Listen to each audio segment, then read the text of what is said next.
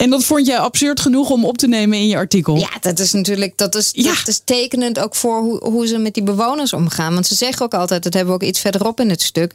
Die directeur van eh, Netmacht die zegt ja. Maar het grootste probleem is eigenlijk, wij zijn techneuten, hè, wij snappen al die rapporten en de bewoners snappen het gewoon niet. Het is voor hun onbegrijpelijk.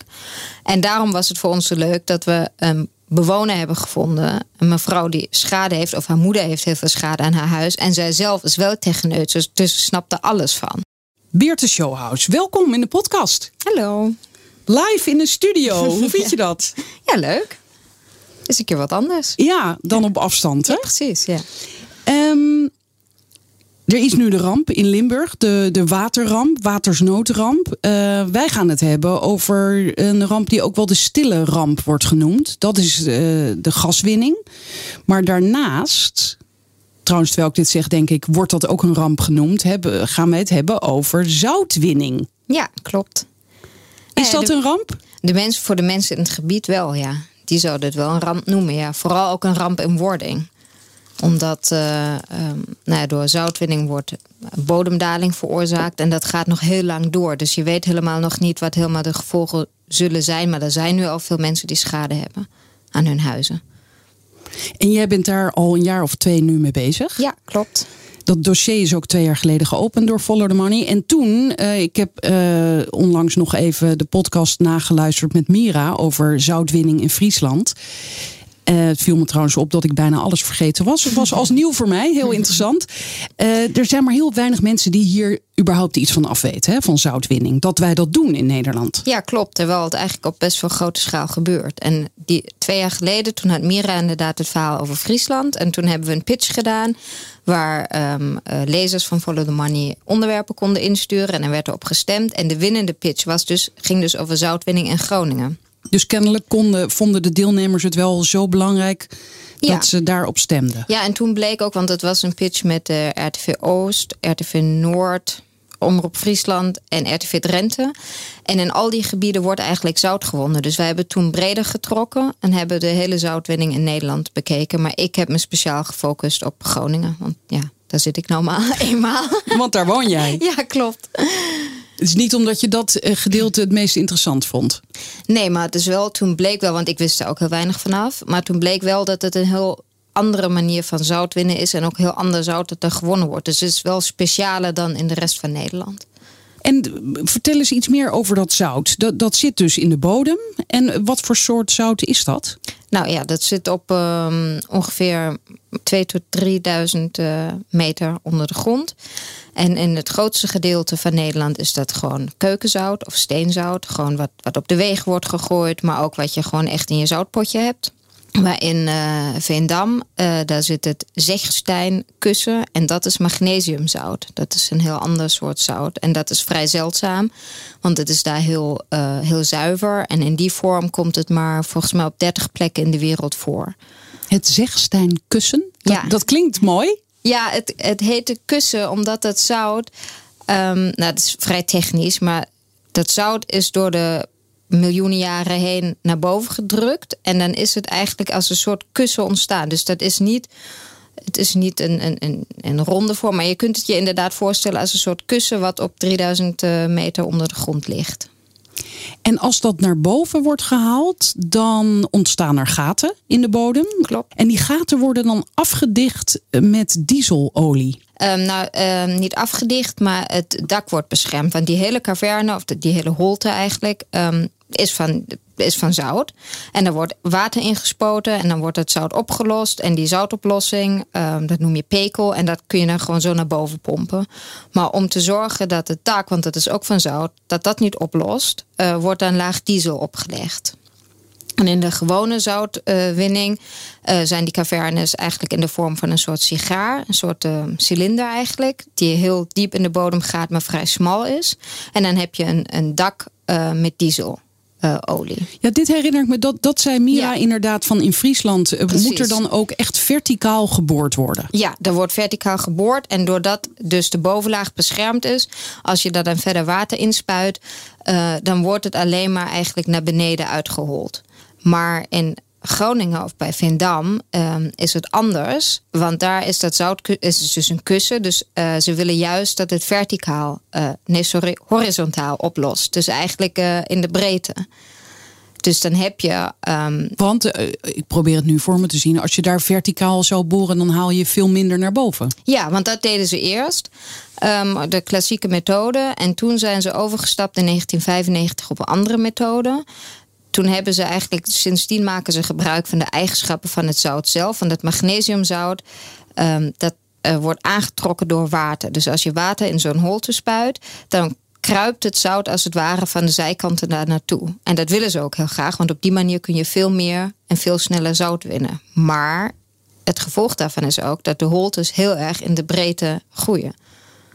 En dus meer voor meer risico zorgen? Ja, want um, als die holtes in de breedte groeien, is er dus ook een veel groter dak eigenlijk. En dat wordt wel beschermd met diesel, maar dat is veel moeilijker, omdat het niet. Het wordt altijd getekend als een soort van ellips. Heel mooi eh, rond. En, uh, maar zo is het natuurlijk onder de grond niet. Er zijn allemaal hoeken en gaten. Dus er zijn ook heel veel onderdelen van dat dak dat niet beschermd is.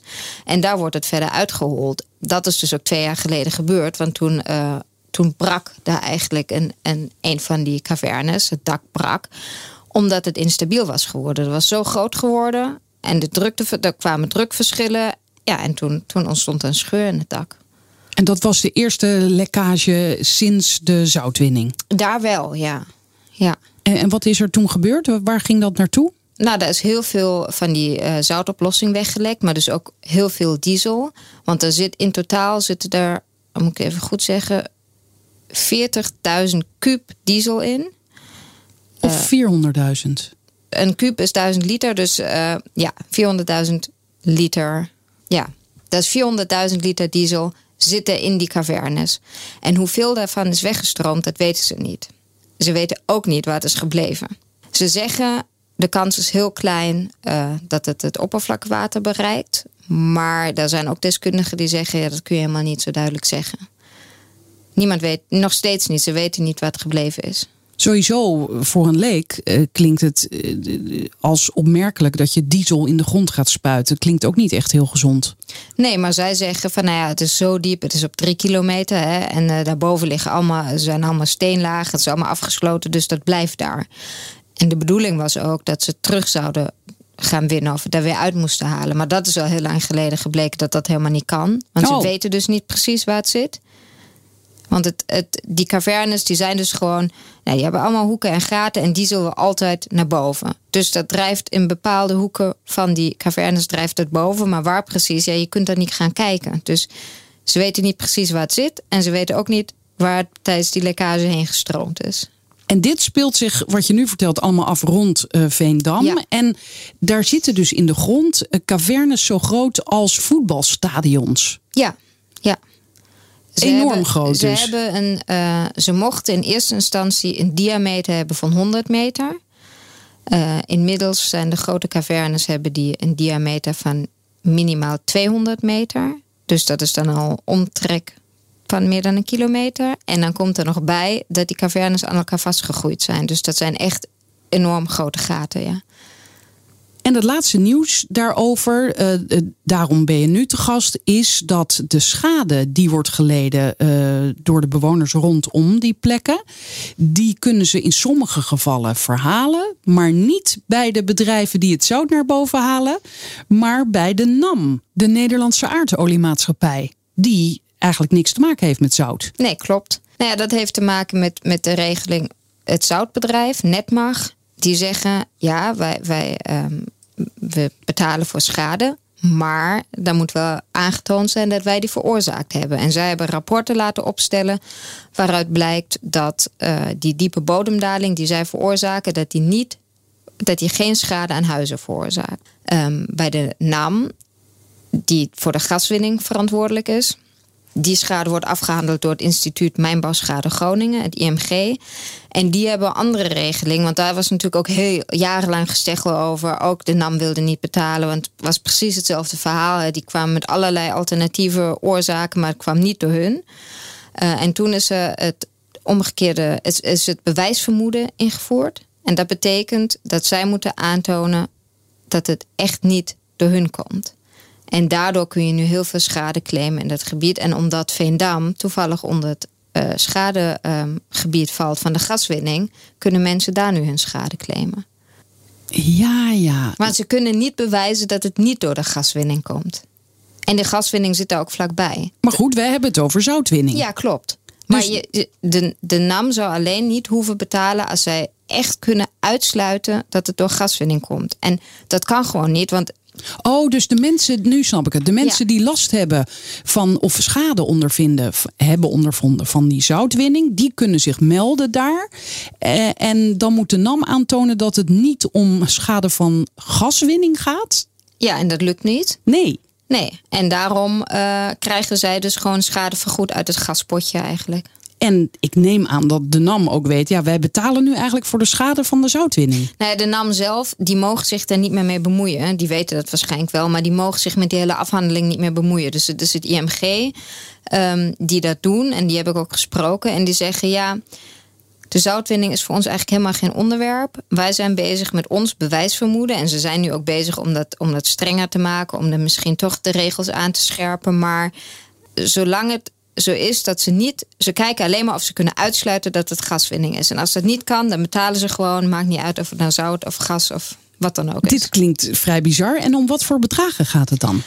Um, dat verschilt. Het is wel zo dat alleen maar, dat is in het gasgebied ook zo, dat alleen maar alles boven het maaiveld wordt uitgekeerd. Dus scheuren in muren, eh, te kapotte tegels. Uh, dat allemaal niet? Dat, dat juist wel, dat wordt oh. betaald. Uh, en dat zijn bedragen van tussen de ja, kan 8000 euro zijn, kan ook wel eens 30.000 zijn, 50.000 euro, dat is een beetje de max.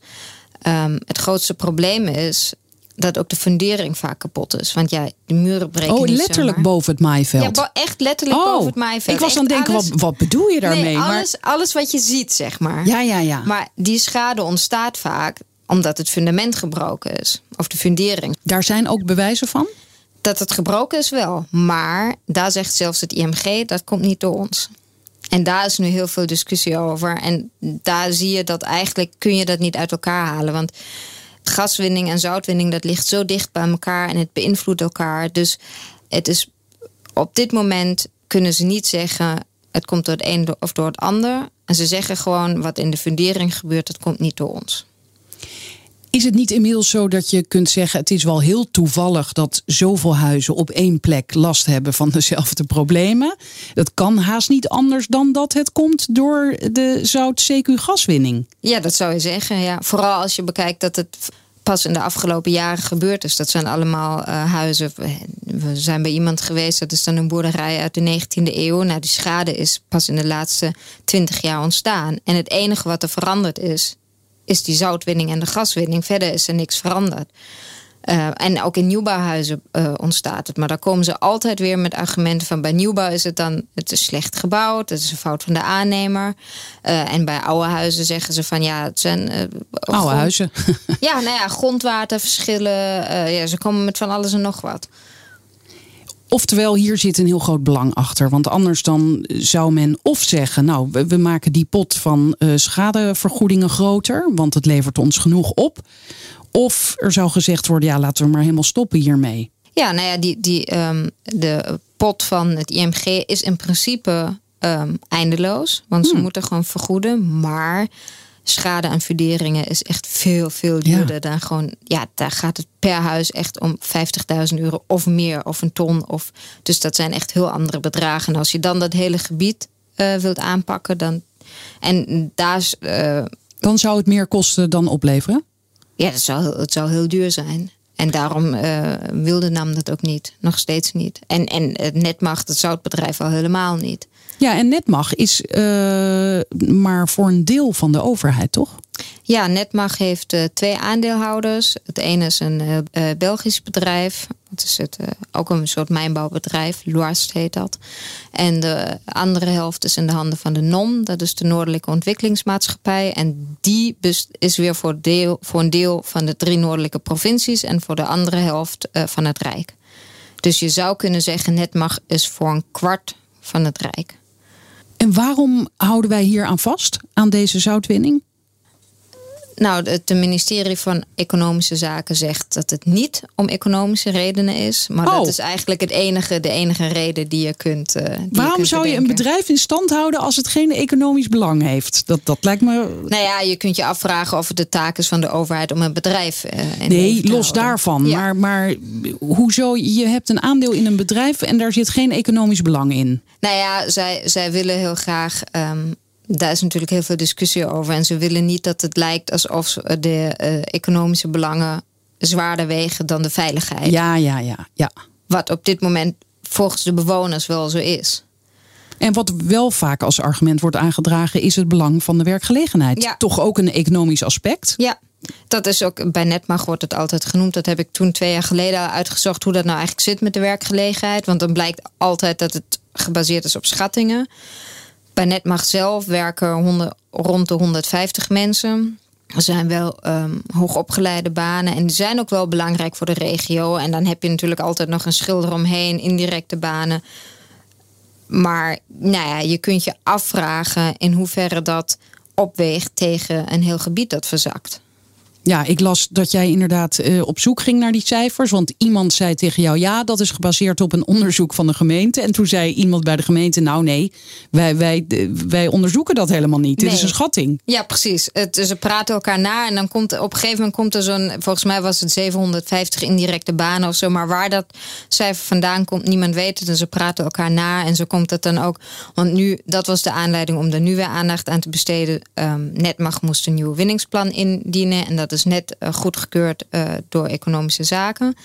Ehm, en daarin, als je dan eh, bekijkt van welke argumenten daar speelden, kwam dat cijfer weer terug. Dus ja, als het er één keer is, dan gaat het zijn eigen leven leiden. Maar jij kon niet een ander cijfer vinden.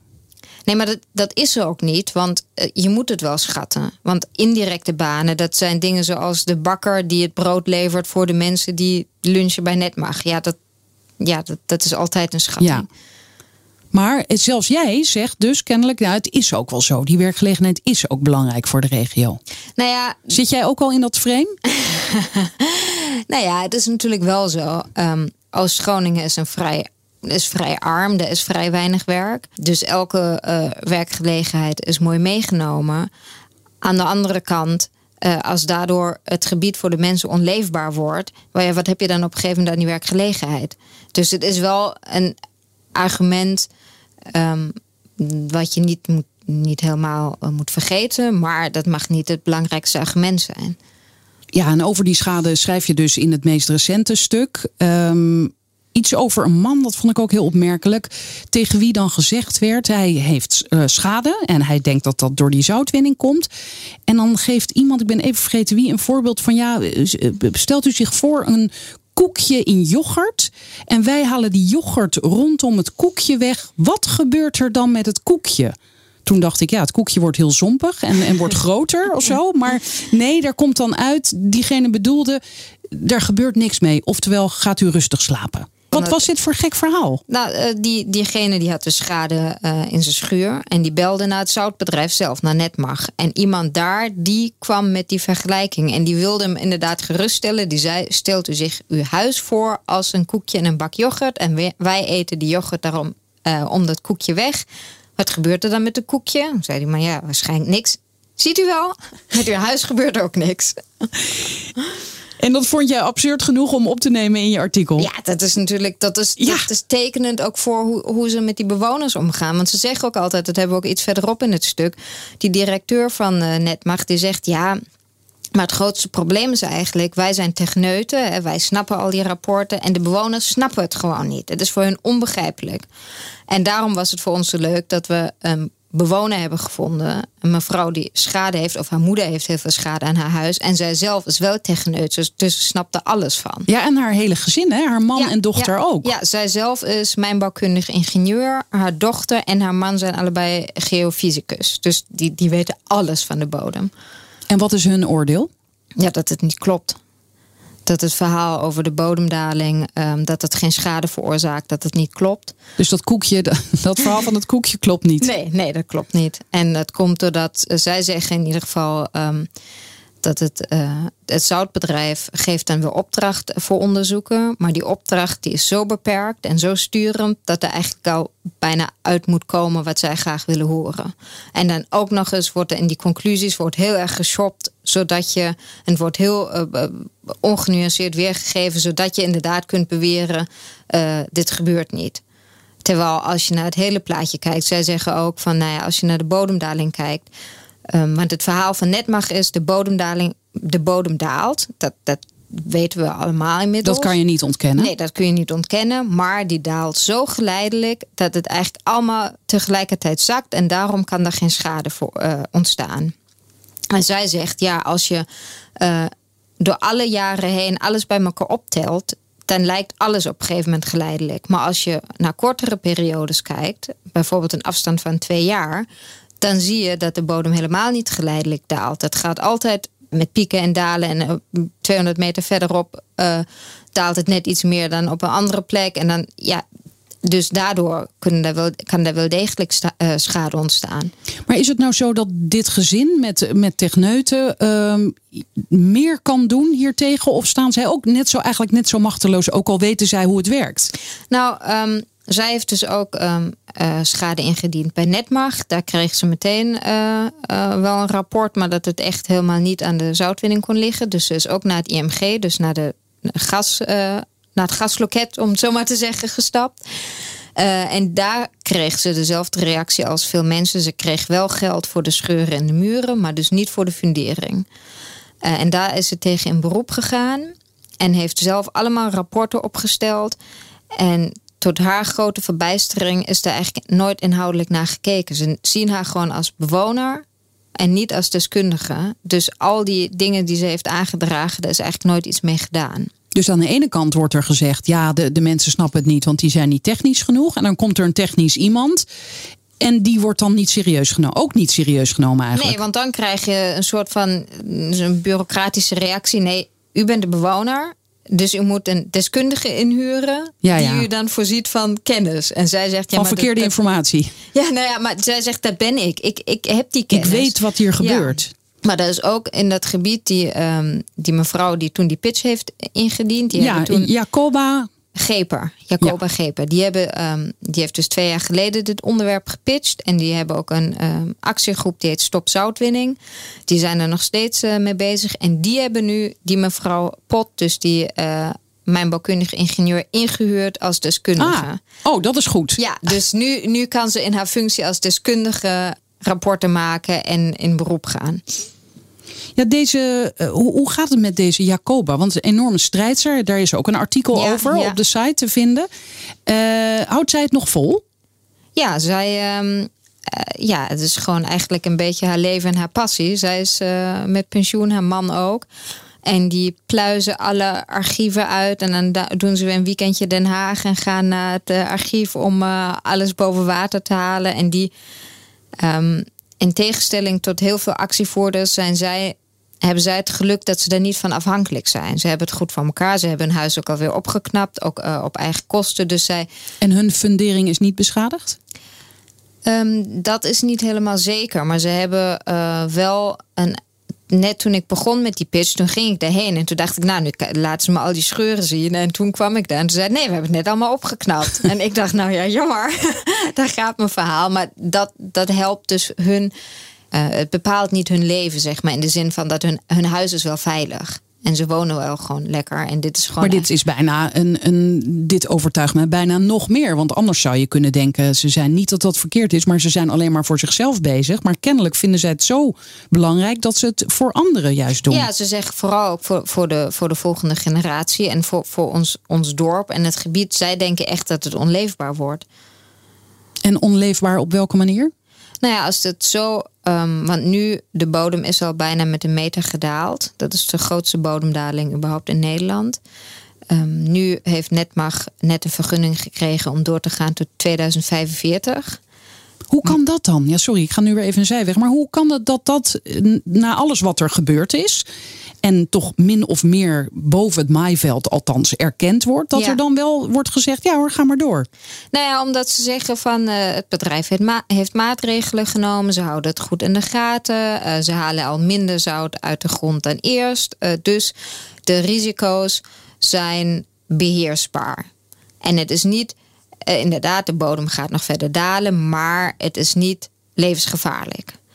Maar wat wel zo is, is dat die bodemdalingscijfers, dat, dat was ook in het verhaal van Mira toen al twee jaar geleden in Friesland, die moeten elke, elke keer weer bijgesteld worden. En ook al stoppen ze in 2045, de bodem gaat nog verder dalen. En nu heeft het waterschap al gezegd, nou op een gegeven moment um, kunnen wij dat niet meer uh, bijhouden die moeten al, er moeten al veel meer gemalen komen. En uh, die zijn nu al druk bezig om, om het, nog, het waterhuishouden nog een beetje goed te houden.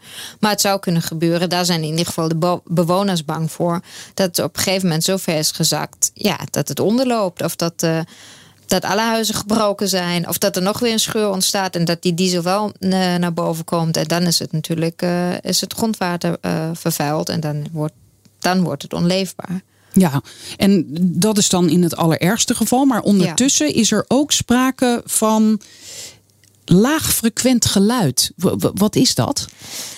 Um, ja, dat is een beetje ingewikkeld. Daar heb ik me ook niet, juist om die reden, ook niet heel erg mee bezig gehouden. Maar er zijn mensen die hebben er heel veel last van. En dat, dat uh, die horen een heel laag, lage brom. Ja, die horen een heel lage bromtoon. Dat heb je ook um, bij sommige mensen hebben dat bij windmolens, hebben er heel erg last van. En daar wordt nu ook onderzoek naar gedaan. Maar dat, ik bedoel, de diepe ondergrond is al, daar is al weinig over bekend. Maar die, die geluiden meten, dat is nog veel ingewikkelder. En daar heeft ook niet iedereen last van. Dus dat is heel moeilijk vast te stellen. Um, ja, bewijs dat geluid is nog niet gevangen. Nee, nee, dat is heel moeilijk te vangen. Ja. Nou ja, je hebt dus uh, inderdaad, je hebt die bodemdaling, je hebt die schades daardoor, uh, je hebt dat laagfrequent geluid. En dan daarbovenop heb je nog de combinatie met de gaswinning en de aardbevingen uh, daar in het gebied. En dat is eigenlijk vlakbij. Want die werken op elkaar in? Nou ja, dat is dus de vraag. Um, de onafhankelijke deskundigen die we hebben gesproken, die zeggen dat dat moet effect hebben op elkaar. Want het is zo uh, dicht bij elkaar, uh, dat kan haast niet anders. Want er zijn al breuken uh, in de stenen en bij elke aardbeving bewegen die een beetje. En doordat de bodem daalt, bewegen die breuken ook. En dat maakt juist dat er schade ontstaat aan de huizen. Dus dat, dat werkt op elkaar in. Maar er wordt eigenlijk helemaal geen onderzoek naar gedaan. Naar die gecombineerde effecten eigenlijk. Dus nou ja, daar kan ik me wel iets bij voorstellen. Als, als men liever niet al te veel wil weten van de effecten, dan ga je niet zeggen: laten we ook nog eens daar naar kijken. Wat het effect van die twee zaken op elkaar is. Nou ja, en zo'n onderzoek is duur. Hè? Want uh, ze moeten wel die bedrijven eh, laten onderzoeken doen, maar elke keer op een klein specifiek onderdeel wat dan net de vraag is. Hè. Komt het door die diepe bodemdaling dat, dat en dat op dat, in dat gebied die huizen eh, breken? Um, dat is een heel beperkt onderzoek. Dat kun je vrij goedkoop laten doen. Maar als je het geheel wilt bekijken, nou dan heb je het over inderdaad, een, dat is een heel duur onderzoek. En ja, wie heeft daar belang bij om dat onderzoek uit te laten voeren? Ja, uh, in ieder geval niet die bedrijven die, nee. die het uit de grond halen. Nee, precies. Want je noemde dus al eerder uh, dat bedrijf uh, Netmacht, dat is voornamelijk Belgisch. Maar er is ook een Japans bedrijf in de buurt. Hè? Dat zou nou ja, Netmacht is voor de helft in België. Ja, zo, voor, de, ja, voor de helft. Ja, en het Japanse bedrijf Kisumar, um, die werken met dat speciale zout wat ze daar uit de grond halen. Um, Hoe bedoel je met het speciale zout? Um, nou, dat magnesiumzout wat, eh, zout wat wordt gewonnen door Netmacht, dat is dus vrij bijzonder. En omdat het zo zuiver is, um, is dat Japanse bedrijf uh, daar neergestreken. En die gebruiken dat zout voor hun um, technische toepassingen. Het wordt gebruikt in uh, vuur afwerende stoffen. En zij maken daar bijvoorbeeld coatings voor voor kabels en zodat die niet brandbaar zijn. En daarvoor heb je dus dat heel zuivere zout nodig. En je kan alle kanten op met dat zout. Want ik moet nu opeens denken aan dat stuk wat je ook hebt geschreven over het plan om daar een soort wellnessgebied uh, te maken. Waar wij ons kunnen gaan wentelen in dat zout. Nou ja, dat is wat sommige mensen zeggen. Nou, als de bodem toch zo daalt, uh, laat het dan onderlopen en maak er een soort spa van. Uh, want het is inderdaad, het wordt gebruikt voor wellness toepassingen. Daar worden zalfjes van gemaakt en badzout en dus uh, dat zou je ook nog kunnen doen. Maar is dit, dit dan het toekomstbeeld van als het helemaal misgaat daar, dan wordt Oost-Groningen één groot wellnessgebied? Nou, ik weet niet uh, of, dat echt, uh, of dat echt een plan is. Maar een voormalig burgemeester van Vindam heeft het ook een keer geopperd. Ook als je het hebt over werkgelegenheid. Hè, dat is natuurlijk veel. Dan wordt het een soort van is in ieder geval het utopische beeld. Dat het een soort van toeristisch trekpleister wordt. En dat je daar heel veel, um, nou ja, dat je de wellness resorts kunt, uh, uit de grond kunt stampen en dan een heel groot zoutmeer waar je in kunt dobberen.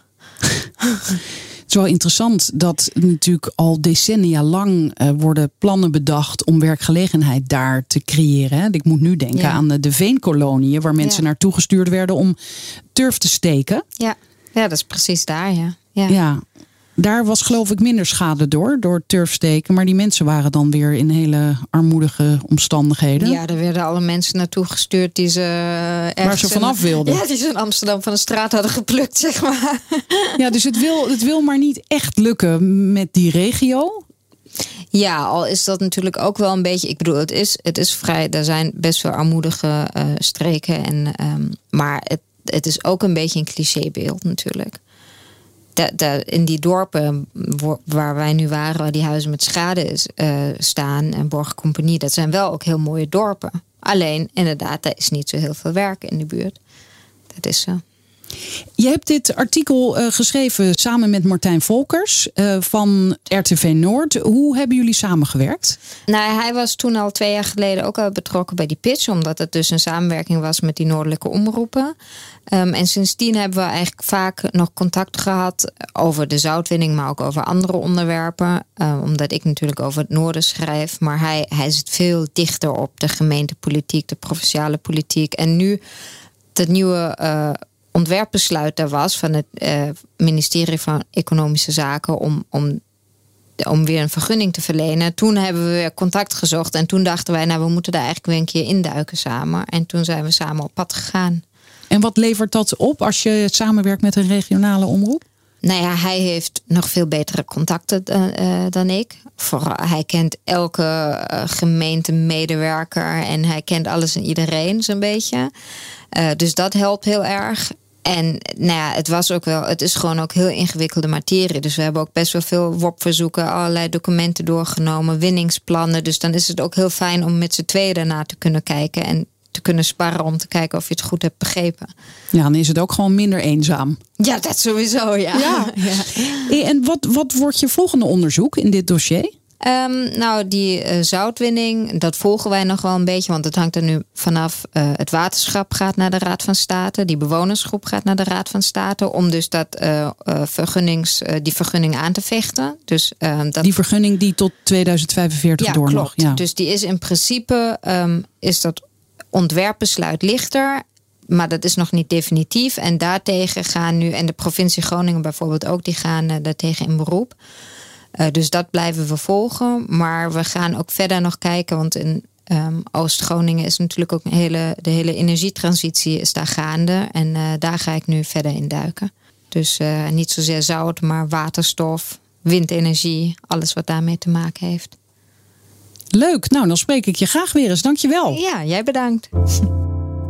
Tot zover deze aflevering van Frederik Vraagt Door. Wil je meer horen en lezen? Ga naar ftm.nl en krijg onze maand op proef.